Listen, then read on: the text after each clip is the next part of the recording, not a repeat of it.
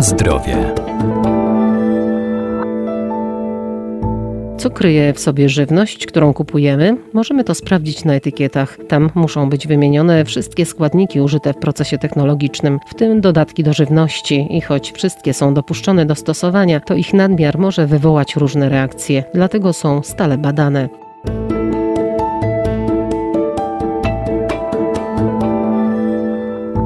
Dodatki do artykułów spożywczych to substancje, których nie spożywamy jako żywność, a są dodawane do produktów spożywczych przykład w celu poprawy ubytków powstających w trakcie produkcji. Powszechna dostępność sprawiła, że producenci coraz chętniej dodają je do swoich wyrobów. Kryją się pod symbolami E. Część są to substancje, które znajdują się tam przypadkowo, a część to są dodawane, czyli mówię zanieczyszczenia, te znajdujące się przypadkowo. Różnego rodzaju technologiczne, produkcyjne itd. Tak a część jest dodawana celowo, są to tak zwane dodatki do żywności. I jeżeli chodzi o tę grupę związków, to w Polsce akurat zainteresowanie społeczne dotyczy głównie trzech podgrup. Doktor habilitowany Zbigniew Marzec, Uniwersytet Medyczny w Lublinie. Mianowicie konserwantów, dodatków do żywności i sztucznych środków słodzących. Inne dodatki jakoś są mniejszym obiektem zainteresowania. Jaki jest cel stosowania tych substancji? Tych celów jest oczywiście wiele, ale najważniejsze to jest przedłużenie trwałości i cele technologiczne. A więc też ograniczenie strat żywności, poprzez utlenianie, poprzez rozwój bakterii. To nie jest tak, że my sobie dodajemy te konserwanty tylko po to, żeby było wygodniej producentom i to jest bardzo duża część, ale część po prostu żywności się dużo marnuje, powiedzmy sobie szczerze. To nie jest tak, że możemy wszyscy brać żywność bezpośrednio świeżutką prosto z działki. Ona musi być konserwowana, bo by nie wytrzymała transportu, przechowywania itd. Tak Więc to jest niejako konieczność też, może niezbyt miła, ale jednak konieczność. I teraz oczywiście są grupy produktów, w których y, nie dopuszcza się stosowania konserwantów do żywności. Ja pozwolę sobie tutaj parę takich przytoczyć. To są świeże warzywa, owoce, duża ilość produktów mlecznych, mąka, y, oleje roślinne, jeśli nie są oczywiście w jakiś sposób y, aromatyzowane, czy coś takiego, bo to jest już inna sprawa, oraz kawa i herbata bez dodatku. Natomiast gdzie możemy się spodziewać największej ilości dodatków w jakiego rodzaju produktach? Mamy desery, pieczywo, przetwory mięsne, przetwory warzywne i chyba już najwięcej to koncentraty zup i sosów.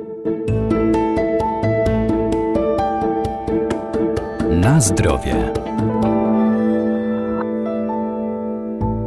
Wśród dodatków do żywności są barwniki, konserwanty i regulatory kwasowości, przeciwutleniacze, emulgatory, środki żelujące i spulchniające, środki pomocnicze, wzmacniacze smaku, środki słodzące, nabłyszczające, a także stabilizatory i zagęstniki. W ogóle na świecie substancji dodawanych żywności jest ponad 2000. Unia Europejska, mówię, dopuszcza 380 kilka, nawet było mi to trudno policzyć, dlatego że czasami są podpunkty, a są jeszcze połączenia dodatkowo, które mogą być i nie są uwzględniane. Tych grup jest kilka. Te numery zaczynają się od E 100, kończą się tam na 1900 coś nawet, więc tego jest naprawdę sporo. I pierwsza grupa od E100 do E199 zawiera, to od razu powiem, 50 substancji. Te przedziały, o których będę mówił, nie są pełne, czyli kompletne i tam jest, mówię, tych 50 barwników, zarówno naturalnych, syntetycznych, jak i nawet mineralnych.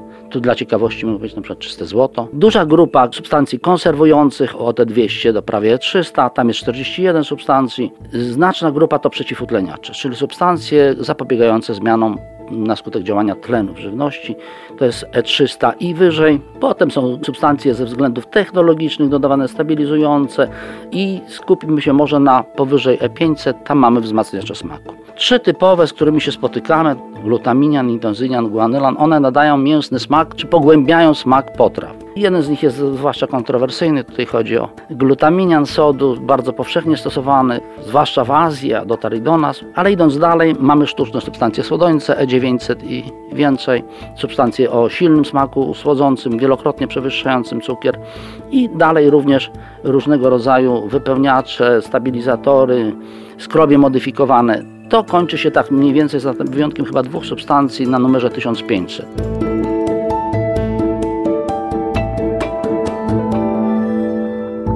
Warto więc czytać składy produktów na etykietach żywności, którą kupujemy, by mieć świadomość tego, co spożywamy, a najlepiej trzymać się zasady, że im mniej substancji użyto do jej wyrobu, tym lepiej.